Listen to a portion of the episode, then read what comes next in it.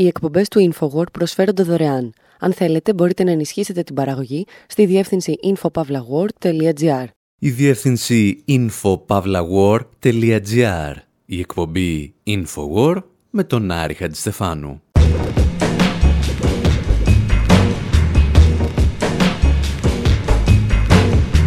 Όπου σήμερα αναρωτιόμαστε εάν οι πλουσιότεροι άνθρωποι του πλανήτη που ταξιδεύουν μαζικά στο διάστημα θα έπρεπε να μείνουν εκεί. Υποπτευόμαστε ότι αυτό που τους ενδιαφέρει δεν είναι να σώσουν το πλανήτη, αλλά ούτε καν τον εαυτό τους. Θέλουν μόνο να πουλήσουν την πραμάτια τους. Σκεφτόμαστε ότι ο Τζεφ Μπέζος είναι ένας από τους ειλικρινέστερους πολυδισεκατομμυριούχος στην ιστορία και μάλιστα με το μεγαλύτερο θράσος. Και ύστερα θυμόμαστε τι σημαίνει να δουλεύεις σαν τον Σαρλό στους μοντέρνους καιρούς για να βγαίνει το αφεντικό σου τσάρκα στα όρια του διαστήματος.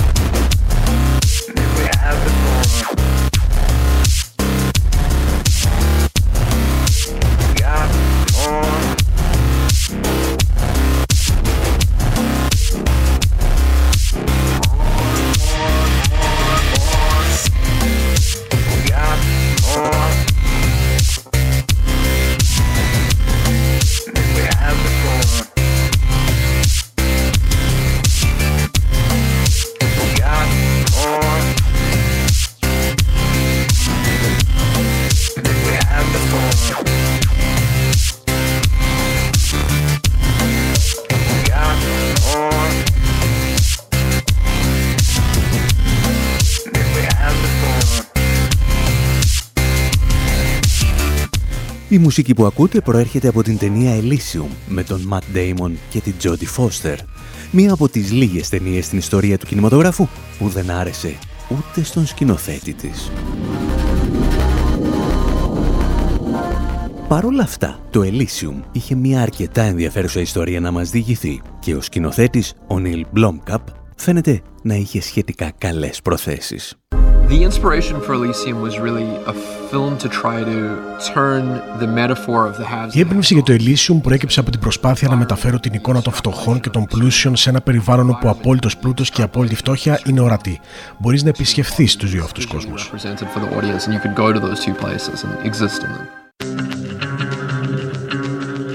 Η ιστορία εκτιλήσεται στο έτος 2154 μετά Χριστόν, όταν ο πλανήτης έχει μετατραπεί σε μια χωματερή ανθρώπινων ψυχών. Στη γη δηλαδή ζουν μόνο οι φτωχοί, όπως έλεγε και ο Ματ Ντέιμον. Earth 150 years in the future has become a third world planet. There's a scarcity of resources, it's overcrowded. 150 χρόνια στο μέλλον η Γη έχει γίνει ένας τερατοκοσμικό πλανήτης. Οι πόροι εξαντλούνται και υπάρχει υπερπληθυσμός. Έχει την αίσθηση ότι τα σύνορα είναι πλέον εντελώς διάτρητα. Όλοι προσπαθούν απλώς να επιβιώσουν. Και όσοι ζούμε στη Γη, κοιτάζουμε ψηλά σε αυτό το ονειρικό μέρος στο οποίο επιθυμούμε να βρεθούμε.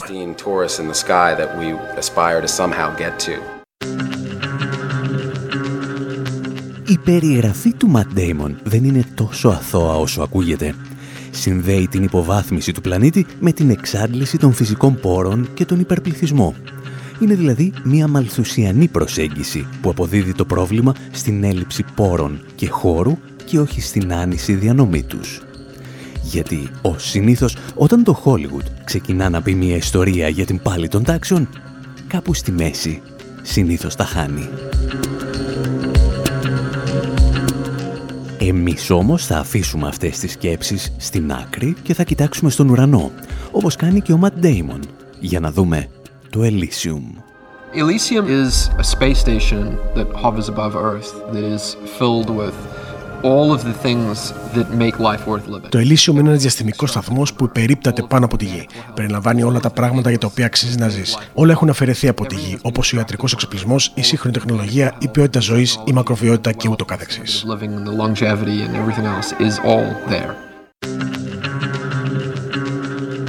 Όπως εξηγούσε λοιπόν ο σκηνοθέτης Νίλ Blomkamp, οι πλούσιοι την έχουν κάνει από τον πλανήτη και ζουν σε τροχιά γύρω από τη γη. Ο πλανήτης μας λειτουργεί απλώς σαν αποθήκη φυσικών πόρων και εργατικού δυναμικού, ενώ όσοι έχουν τα μέσα ζουν σε ένα ιδηλιακό κόσμο, στα όρια του διαστήματος. Και προφανώς κάποιοι θυμήθηκαν αυτήν την ταινία καθώς τις τελευταίες εβδομάδες ορισμένοι από τους πλουσιότερους ανθρώπους στον κόσμο άρχισαν να κινούνται με διαστημόπλια προς αυτές τις περιοχές. Στα όρια ανάμεσα στη γήινη ατμόσφαιρα και το διάστημα. British billionaire Richard Branson rocketed to 53 miles above the Earth on Sunday in a test flight of his privately funded Virgin Galactic space plane. Ο Βρετανός δισεκατομμυριούχος Richard Branson εκτοξεύτηκε στα 85 χιλιόμετρα πάνω από την επιφάνεια της Γης την Κυριακή σε μια δοκιμαστική πτήση του ιδιωτικού του διαστημικού αεροπλάνου Virgin Galactic. Το ταξίδι του Branson πάνω από την ατμόσφαιρα ήρθε μόνο λίγες ημέρες πριν ο πλουσιότερος άνθρωπος του κόσμου, ο θετής της Amazon Jeff Bezos, πετάξει στο όριο του διαστήματος με τον πύραυλό του New Shepard. Ο Bezos αποσύρθηκε από διευθύνων σύμβουλο της Amazon εν μέρει για να επικεντρωθεί στην πυραυλική του εταιρεία, την Blue Origin, καθώς αυτή μάχεται να ανταγωνιστεί τη SpaceX του δισεκατομμυριούχου Elon Musk. Απαντώντας όλα αυτά, ο γερουσιαστής Bernie Sanders δήλωσε στο New York Times: Οι πλουσιότεροι άνθρωποι στον κόσμο δεν ενδιαφέρονται ιδιαίτερα για τη γη πλέον. Έχουν φύγει στο διάστημα.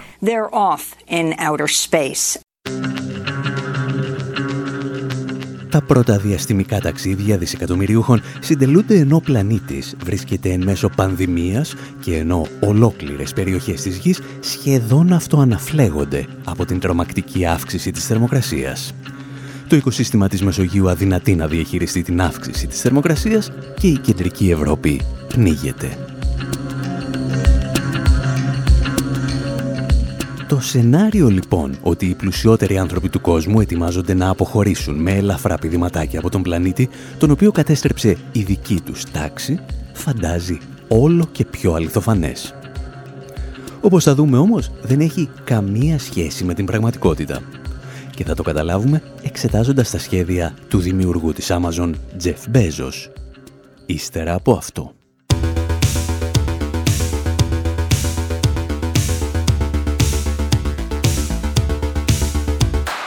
CEO, entrepreneur, born in 1964, Jeffrey, Jeffrey Bezos. CEO, entrepreneur, born in 1964, Jeffrey, Jeffrey Bezos. Come on, Jeffrey, you can do it. Pave the way, put your back into it. Tell us why.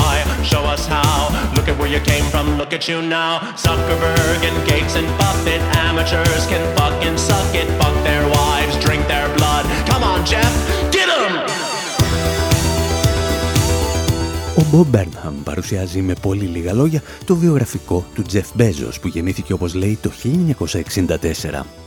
Του επιχειρηματία που όπως επίσης λέει κάνει τον Zuckerberg, τον Γκέιτς και τον Μπάφετ να δείχνουν σαν αποτυχημένοι ερασιτέχνες.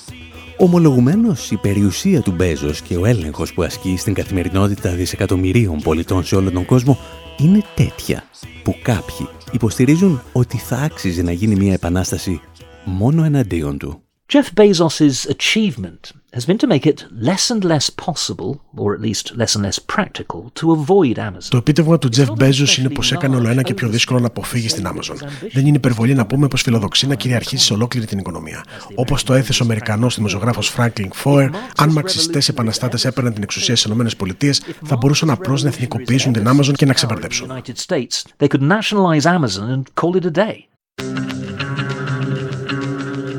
Ο κύριος που ακούτε είναι ο δημοσιογράφος και συγγραφέας Μάρκο Νίλ σε ένα ιδιαίτερα ενδιαφέρον podcast από τη σειρά Long Read του Guardian.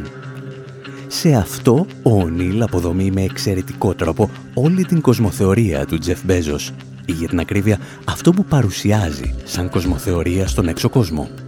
Την πρόθεση του δηλαδή να σώσει την ανθρωπότητα. Every year, Bezos liquidates a billion dollars worth of his own Amazon stock and puts it into a company he founded in 2000 called Blue Origin. Κάθε χρόνο ο Μπέζο ρευστοποιεί μετοχές της Amazon αξίας ενός δισεκατομμυρίου δολαρίων και τοποθετεί τα χρήματα σε μια εταιρεία που ίδρυσε το 2000 με το όνομα Blue Origin, η οποία αναπτύσσει τεχνολογίες με σκοπό την πραγματοποίηση ταξιδιών και τη δημιουργία απικιών στο διάστημα. Θέλουμε να πάμε στο διάστημα για να προστατεύσουμε αυτόν τον πλανήτη, είπε σε ομιλία του το 2019. Το μεγάλο πρόβλημα που αντιμετωπίζει η Γη, σύμφωνα με τον Μπέζο, δεν είναι αυτή κάθε αυτή η περιβαλλοντική καταστροφή. Είναι η προοπτική να ξεμείνει από πηγές ενέργειας. Όπως ισχυρίζεται, αν μετακινηθούμε στο διάστημα, θα έχουμε πρόσβαση σε απεριόριστους πόρους και δεν θα υπάρχει κανένα όριο στην ανάπτυξη ή στην κατανάλωση ενέργειας.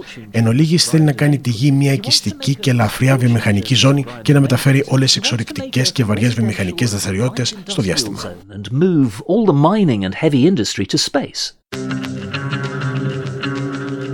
Το όνειρο του Μπέζος λοιπόν είναι μάλλον το αντίστροφο από το σενάριο της ταινίας Elysium. Οι πλούσιοι δεν φεύγουν από τον πλανήτη, αλλά τουλάχιστον σε πρώτη φάση απομακρύνουν από αυτόν τη βαριά βιομηχανία. Το πρόβλημα, αν ανατρέξεις βαθύτερα στα γραπτά και τις ομιλίες του Τζεφ Μπέζος, είναι ότι η διάσωση του πλανήτη δεν είναι για αυτόν αυτός σκοπός. Για την ακρίβεια δεν είναι καν σκοπός. Το μόνο που τον απασχολεί είναι να διατηρηθούν οι συνθήκες που θα επιτρέπουν στην εταιρεία του να συνεχίσει να αναπτύσσεται. Last year, Bezos announced a combined donation of nearly $800 million to various organizations working to fight climate change. Το περασμένο έτος ο Μπέζος ανακοίνωσε συνολική δωρεά σχεδόν 800 εκατομμυρίων δολαρίων σε διάφορες οργανώσεις που μάχονται την κλιματική αλλαγή. Αλλά δείχνει να μην ενδιαφέρεται τόσο για την ίδια την κλιματική αλλαγή, όσο για το κατά πόσο αυτή θα απειλήσει την κατανάλωση πόρων και την οικονομική ανάπτυξη. Είναι σαν ο Μπέζος να βλέπει ένα πλανήτη που πεθαίνει με μαζικό αφανισμό, φλεγόμενα δάση, βυθισμένες πόλεις και να τον απασχολεί μόνο το πρόβλημα που θα προκαλούσε αυτό στι διαδικτυακέ αγορές. Τι συμβαίνει, ρωτά ο Μπέζος, όταν η επεριόριστη ζήτηση συναντά τους πεπερασμένους πόρους; Η απάντηση είναι εξαιρετικά απλή. Οι αγορές με δελτίο. Όμως ένας κόσμος στον οποίο τα καταναλωτικά αγαθά μοιράζονται με αυτόν τον τρόπο δεν είναι ένας κόσμος στον οποίο η Amazon θα μπορούσε να συνεχίσει την ατελείωτη ανάπτυξή της. Ο Μπέζος ενδιαφέρεται λιγότερο για το μέλλον του πλανήτη και περισσότερο για το μέλλον του καπιταλισμού.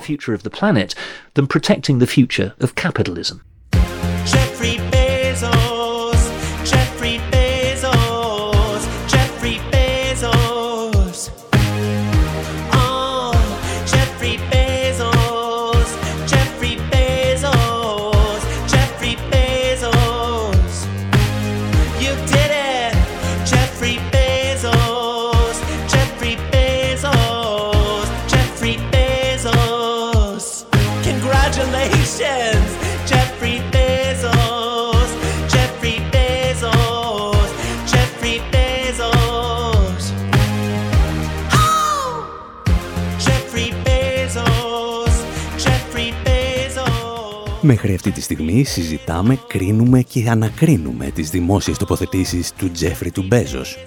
Θεωρούμε δηλαδή ειλικρινή στις απόψεις του και απλώς σχολιάζουμε ότι δεν ενδιαφέρεται για τη διάσωση του πλανήτη, αλλά για τη διάσωση του κυρίαρχου οικονομικού συστήματος. Τι γίνεται όμως αν ακόμη και αυτές οι δηλώσεις είναι λόγια του αέρα ή μάλιστα λόγια του διαστήματος;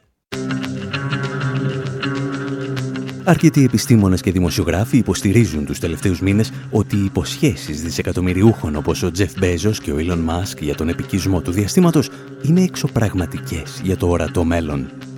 Και λέγοντας ορατό μέλλον αναφέρονται σε βάθος αρκετών γενεών. Πίσω από τις βόλτες στο διάστημα, λένε οι ίδιοι, κρύβεται απλώς μια επιχειρηματική σύγκρουση δύο εταιριών που ζητούν διακάως δημοσιότητα. Πρόκειται για την SpaceX του Elon Musk και την Blue Origin του Bezos, οι οποίες συγκρούονται εδώ και χρόνια για να εξασφαλίσουν κονδύλια δεκάδων δισεκατομμυρίων δολαρίων της Αμερικανικής κυβέρνησης.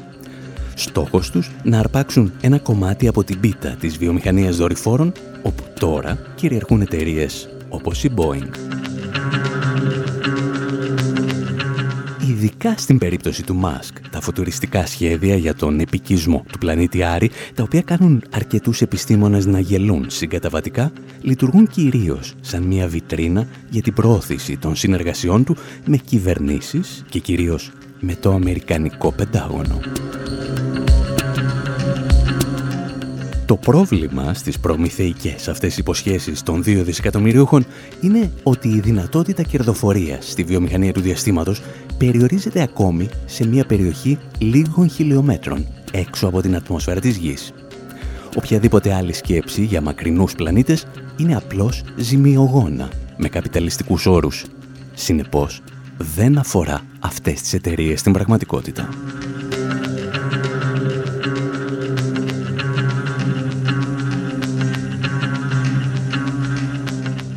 Τζεφ Μπέζος λοιπόν πραγματοποίησε την περασμένη εβδομάδα απλώς μια επικοινωνιακή επιχείρηση στήριξης των επιχειρηματικών του σχεδίων. Αυτό είναι όμως δικαίωμά του. Τα προβλήματα ξεκινούν όταν ο ίδιος υποστηρίζει ότι προσφέρει τον χρόνο και την περιουσία του για το καλό της ανθρωπότητας. We could have a trillion humans in the solar system, says Bezos, which means we'd have a thousand Mozarts and a thousand Einsteins. This would be an incredible civilization. Θα μπορούσαμε να έχουμε ένα τρισεκατομμύριο ανθρώπους στο ηλιακό σύστημα, λέει ο Μπέζος. Κάτι που σημαίνει πως θα είχαμε χίλιους Μότσαρτ και χίλιους Einstein, ένας εξωθάβαντος πολιτισμός.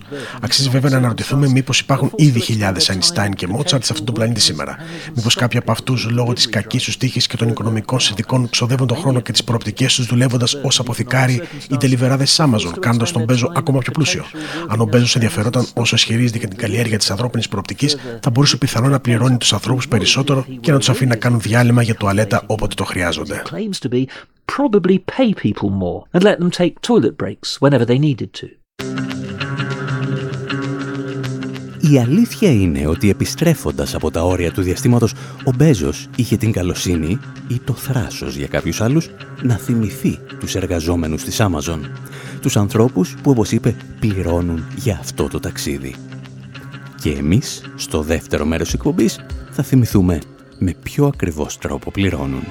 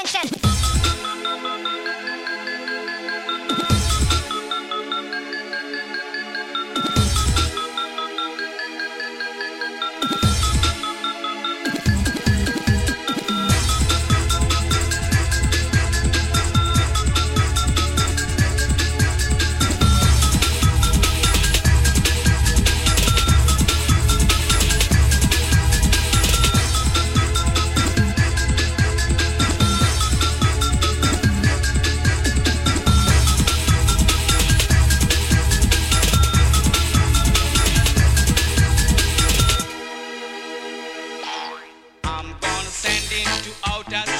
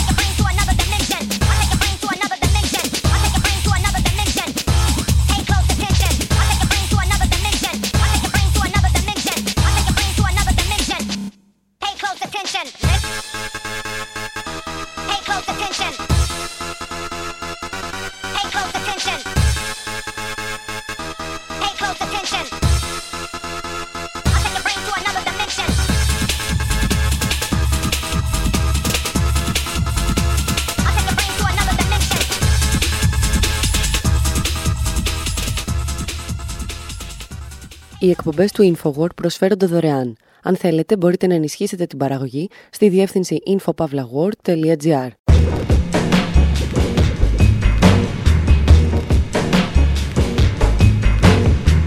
όπου σήμερα συζητάμε για τον Μπέζο.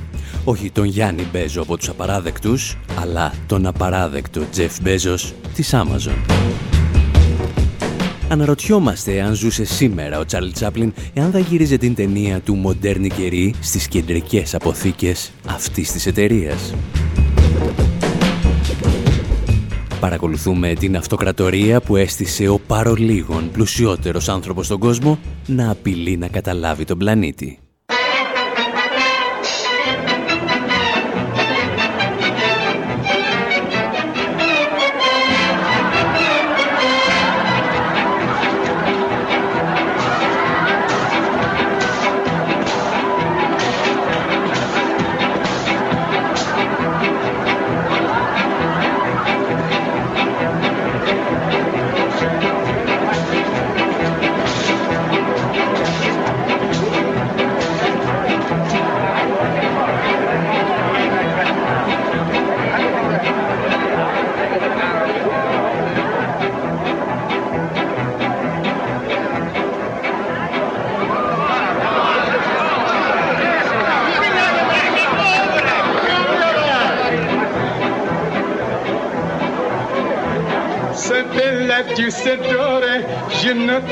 que ferai Je noterai si t'avorai Je la toulatil à toi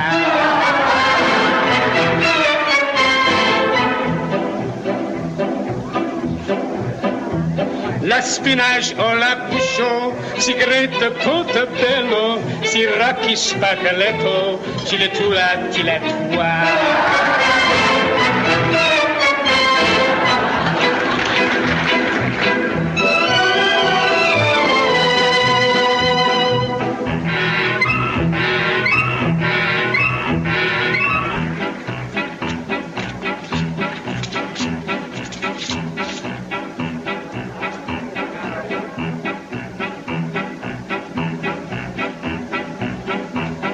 Signora Pilassina, voulez-vous la taximite Le zionta sous la cita. Tula tula tula wa.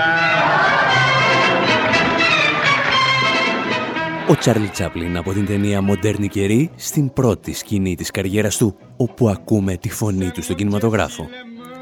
Και αυτό που λέει δεν έχει κανένα απολύτως νόημα. Απλώς χρησιμοποιεί ανύπαρκτες λέξεις που θυμίζουν γαλλικά και ιταλικά σε μια γλώσσα που χαρακτηρίζεται ως γκίμπερις. Αυτό που στα ελληνικά λέμε αλαμπουρνέζικα.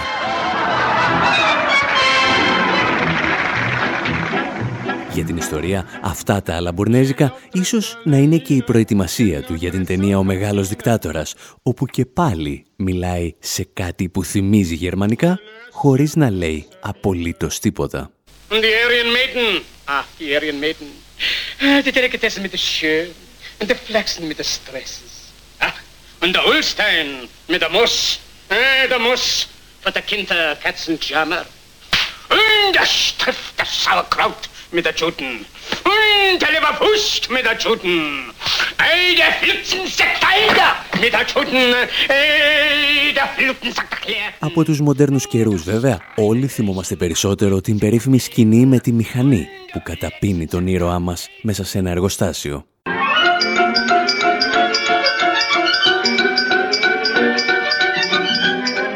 Δουλεύοντας σε μια εργοστασιακή γραμμή παραγωγής, ο Σαρλό πραγματοποιεί μια μηχανική κίνηση τόσες φορές, ώστε δεν μπορεί να σταματήσει. Και κάποια στιγμή γίνεται και ο ίδιος κομμάτι της μηχανής που τον καταπίνει στο εσωτερικό της. Ο Τσάρλ Τσάπλιν λέγεται ότι εμπνεύστηκε τη σκηνή και ολόκληρη την ταινία από δύο στοιχεία. Το πρώτο ήταν οι άθλιες συνθήκες εργασίας που επικρατούσαν σε όλο τον κόσμο στη δεκαετία του 30 στα χρόνια της Μεγάλης Ήφεσης. Και η δεύτερη ήταν μια συνάντησή του με τον Μαχάτ Μαγκάντι. Οι δύο άνδρες συζήτησαν για ώρες διάφορα θέματα και κατέληξαν να μιλάνε για τις επιπτώσεις της σύγχρονης τεχνολογίας στον άνθρωπο.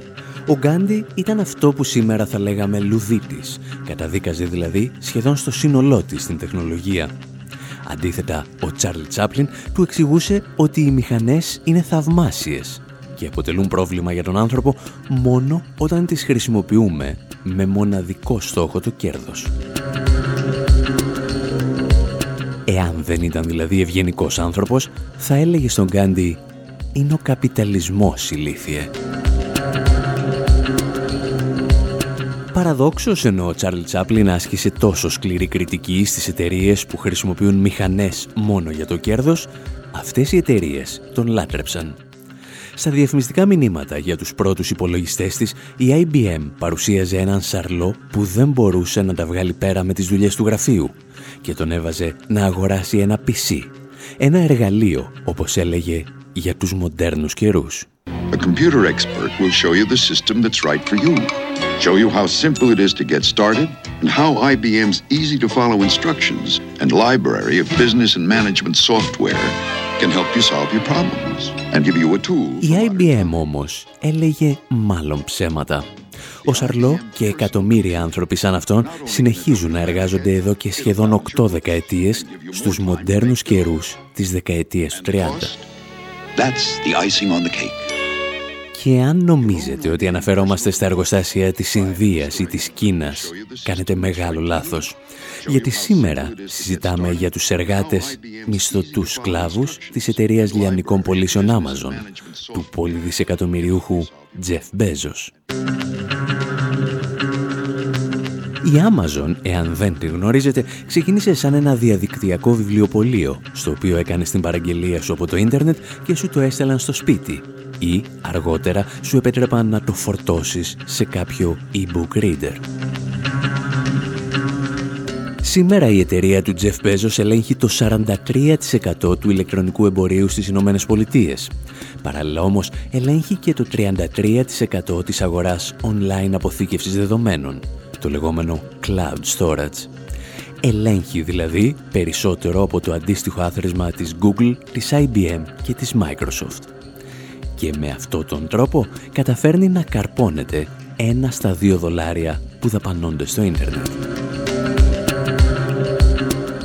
Εάν τώρα έπρεπε να περιγράψουμε τις βασικότερες δραστηριότητες της εταιρείας με μία ανάσα, θα λέγαμε ότι ελέγχει γιγαντία δίκτυα λιανικών πωλήσεων μαζί με την αποθήκευση και διανομή των προϊόντων, προσφέρει πλατφόρμες ηλεκτρονικών συναλλαγών, υπηρεσίες τραπεζικού δανεισμού, δημοπρασίες ακινήτων, εκδόσεις βιβλίων, παραγωγή τηλεοπτικών και κινηματογραφικών ταινιών, online αποθήκευση δεδομένων, σχεδιασμό υψηλής ραπτικής και πουλάει και ζαρζαβατικά.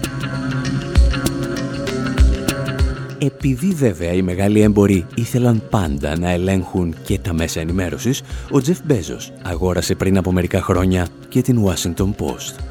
Και όπως μας εξηγούσε τότε το The Real News Network, υπήρχε μια μικρή σύγκρουση συμφερόντων, γιατί η εταιρεία του είχε μόλις κλείσει και ένα συμβολεάκι με τη CIA. A man who has 25 billion with a B dollars in personal wealth, Jeff Bezos, ένας άνθρωπος με προσωπική περιουσία 25 δισεκατομμυρίων δολαρίων, ο Τζεφ Μπέζος, ο οποίος δημιούργησε την περιουσία του ως ιδρυτής και διευθύνων σύμβολο της Amazon, τώρα είναι ο μοναδικός ιδιοκτήτης της Washington Post. Την ίδια ώρα όμως η εταιρεία του υπέγραψε συμβόλαιο 600 εκατομμυρίων δολαρίων με τη CIA. Από τη μία λοιπόν η Amazon πρέπει να προφυλάει στα μυστικά της CIA στους υπολογιστές της, ενώ η εφημερίδα που ελέγχει ο Μπέζος θα έπρεπε να αποκαλύπτει αυτά τα μυστικά της CIA και άλλων μυστικών υπηρεσιών. Υπάρχει ένας μύθος που λέει ότι ο ιδιοκτήτης μιας εφημερίδας δεν επηρεάζει το ύφος και το είδος των ειδήσεων που παράγονται στην έδωσα σύνταξης. Στην πραγματικότητα όμως έχουμε μπροστά μας μια νέα δομική σχέση. Πρόκειται για άμεση σύγκρουση συμφερόντων.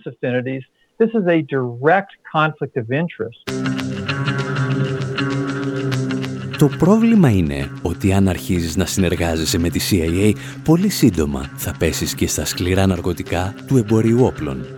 Και ο Τζεφ Μπέζος δεν είχε πρόβλημα ούτε με αυτό. Μας τα εξηγούσε παλαιότερα το Democracy Now! Ο ιδρυτής της Amazon.com και ιδιοκτήτης της Washington Post, Jeff Bezos, ανακοίνωσε μια νέα συνεργασία με την Boeing και τη Lockheed Martin, δύο από τους μεγαλύτερους κατασκευαστές όπλων στον κόσμο. Η ιδιωτική διαστημική εταιρεία του Bezos, η Blue Origin, θα συνεργαστεί με τη United Launch Alliance. μια κοινή επιχείρηση των δύο κατασκευαστών όπλων για να δημιουργήσουν κινητήρες πυράβλων και να εκτοξεύσουν στρατιωτικούς δορυφόρους. Ένας ρεαλιστής φιλελεύθερος σε αυτό το σημείο θα έλεγε με γεια του, με χαρά του. Ο Μπέζος ήταν ο άρχοντας της κοινοτομίας και έκτισε με τις ιδέες του μια ολόκληρη αυτοκρατορία. Το πρόβλημά μας είναι ότι επειδή οι ιδέες του ήταν πολύ βαριές, ανέθεσε σε κάτι μισθωτούς σκλάβους να τις κουβαλάνε. Γι' αυτά όμως θα μιλήσουμε σε λιγουλάκι.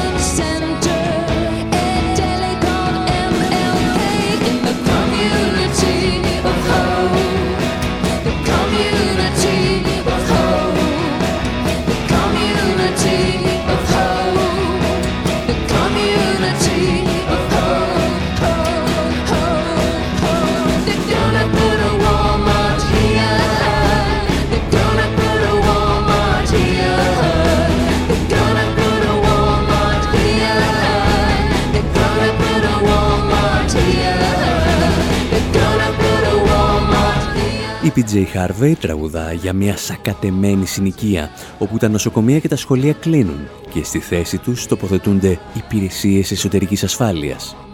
Και κάπου λέει σε μια γωνιά αυτής της συνοικίας θα ανοίξουν και ένα καινούριο Walmart. Και αυτό το Walmart μας ενδιαφέρει ιδιαίτερα σήμερα.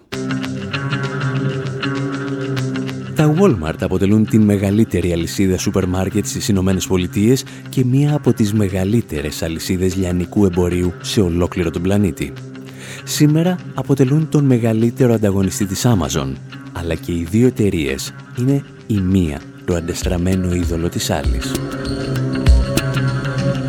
Μεγάλο μέρος της επιτυχίας της Amazon λέγεται ότι οφείλεται στα μαθήματα που έλαβε ο Jeff Bezos διαβάζοντας τα απομνημονεύματα του Sam Walton, ιδρυτή της Walmart. Από αυτόν έμαθε τις βασικές αρχές των λεγόμενων logistics ή τη διαχείριση εφοδιαστικής αλυσίδας, η οποία του επέτρεπε να ελέγχει και το τελευταίο δευτερόλεπτο στη μεταφορά ενός προϊόντος από την αποθήκη μέχρι τον καταναλωτή. Κυρίως όμως, ο Μπέζος αντέγραψε από την Walmart τις απάνθρωπες συνθήκες εργασίας. Το 2011 ξεκίνησαν οι πρώτες μεγάλες αποκαλύψεις για τις συνθήκες εργασίας στις αποθήκες της Amazon και η εφημερίδα Morning Call στις Ηνωμένες Πολιτείες έγραφε τα εξής. Οι εργαζόμενοι είπαν ότι αναγκάζονταν να εργαστούν με τρομερή ζέστη μέσα στην αποθήκη.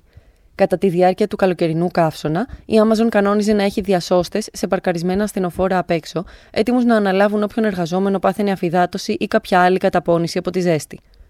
Όσους δεν μπορούσαν να επανέλθουν γρήγορα και να επιστρέψουν στη δουλειά τους, τους έστελναν σπίτι ή τους μετέφεραν στο νοσοκομείο, και νέοι υποψήφοι ήταν έτοιμοι να ξεκινήσουν τη δουλειά ανα πάσα στιγμή. Τον Ιούνιο, ένας γιατρός από τα επίγοντα έκανε καταγγελία για ανασφαλές περιβάλλον εργασίας, αφότου είχε περιθάλψει αρκετούς εργαζόμενους στις αποθήκες της Amazon που είχαν προβλήματα που σχετίζονταν με τη ζέστη. Ένας από τους φύλακε κατήγγειλε ότι είχε δει έγκυε εργαζόμενες να υποφέρουν από τη ζέστη. Η ζέστη ή το κρύο βέβαια ήταν ίσως το μικρότερο πρόβλημα όσων εργάζονταν στις αποθήκες της Amazon. Γιατί κάθε φορά που εσείς κάνετε μια αγορά στο site της Amazon, ένας άνθρωπος αρχίζει να τρέχει. Μέσα σε περίπου 15 με 20 δευτερόλεπτα πρέπει να έχει βρει το προϊόν στην αποθήκη για να ξεκινήσει η αποστολή του η δημοσιογράφος Μακ Μακλέλαν κατάφερε να προσληφθεί στην Amazon και περιέγραφε στο Democracy Now! πώς ακριβώς δουλεύει η αποθήκη της εταιρείας. Ήμουν αυτό που λέγεται picker, δηλαδή αυτός που συλλέγει τα αντικείμενα που παραγγέλνεις online. Και αυτές οι αποθήκες είναι εκατοντάδες χιλιάδες τετραγωνικά, τεράστιες. Και έχεις ένα μικρό σκάνερ που σου λέει που πρέπει να πας μέσα στην αποθήκη. Υπάρχει ένας χάρτης που σου λέει πόσα δευτερόλεπτα πρέπει να σου πάρει να πας εκεί. Οπότε εμφανίζεται μία μπάρμπι και έχει 20 δευτερόλεπτα να διασχίσει την απόσταση και τρέχεις εκεί που είναι το ράφι, διαλέγεις ανάμεσα σε άλλα αντικείμενα όσο πιο γρήγορα μπορείς, παίρνεις την μπάρμπι, της σκανάρει και τη βάζεις σε μία τσάντα. Και έπειτα εμφανίζεται το επόμενο προϊόν και έχεις άλλα 15 δευτερόλεπτα. Και αυτό γίνεται ασταμάτητα. Είχαμε τουλάχιστον 10 ώρες βάρδιες όταν ήμουν εκεί. Και υπάρχουν άνθρωποι που κυκλοφορούν εκεί και σου λένε πόσο κοντά είσαι στο να πετύχεις ή να μην πετύχεις τους χρόνους σου. Κάθε λίγες ώρες έρχεται κάποιος και σου λέει: έχεις πετύχει το 70% του χρόνου σου. Κάνεις κακή δουλειά. Πρέπει να ανέβεις. Σε συμβουλεύουν ασταμάτητα για το ρυθμό σου. Και τρέχεις μπρος πίσω στο χώρο του γεύματος, πρέπει να περάσεις από ανοιχνευτή μετάλλων. Πρέπει να περιμένεις την ουρά για να πας τουαλέτα, να φας κάτι πολύ γρήγορα και να τρέξεις πίσω στο τμήμα σου. Αυτό είναι όλο. Ξανά και ξανά και ξανά. Μερικά χρόνια αργότερα η εκπομπή Πανοράμα του BBC κατάφερε να τοποθετήσει και μία μικροκάμερα σε έναν υπάλληλο της Amazon και έτσι, για πρώτη φορά, είδαμε σε εικόνα αυτά που περιέγραφε στο χαρτί η Mac McClelland.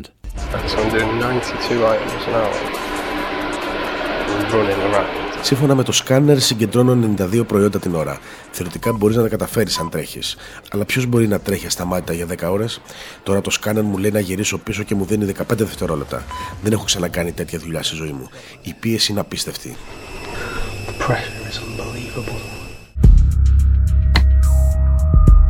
Ο υπάλληλος λοιπόν, εάν έτρεχε, μάζευε 92 προϊόντα, ενώ ο στόχος της εταιρείας ήταν περίπου 110.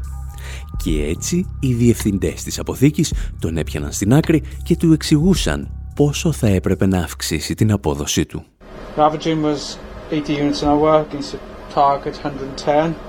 Κατά μέσο όρο παρέδιδες 80 προϊόντα την ώρα, ενώ στόχος ήταν τα 110. Είσαι λοιπόν στο 72% του στόχου που σου βάλαμε. Με δεδομένο ότι εργάζεσαι εδώ και 7 εβδομάδες, θα περίμενα να τα καταφέρεις λίγο καλύτερα, ακόμα και αν δεν φτάνεις στο 100%. Κατά τη γνώμη μου, πρέπει να κινείσαι κοντά στα 105 με 110 προϊόντα την ώρα. Θα έπρεπε να το έχεις καταφέρει μέχρι τώρα, εντάξει;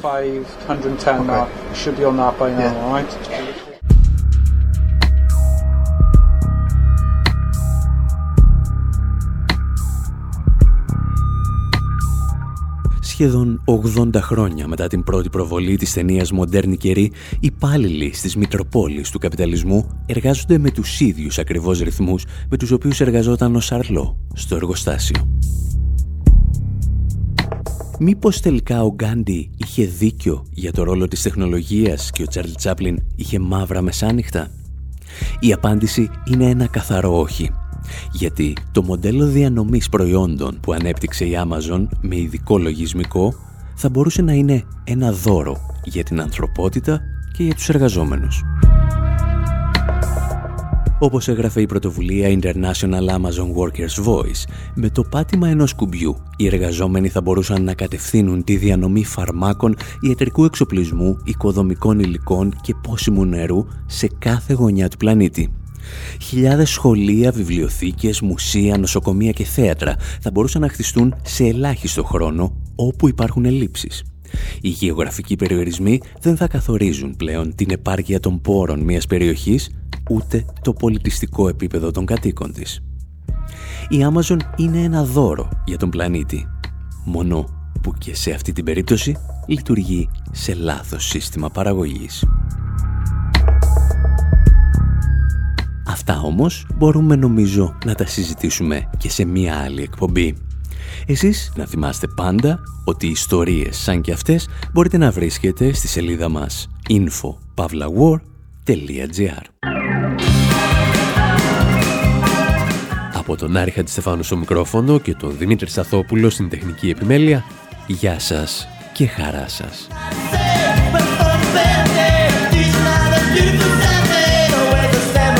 Stars come back.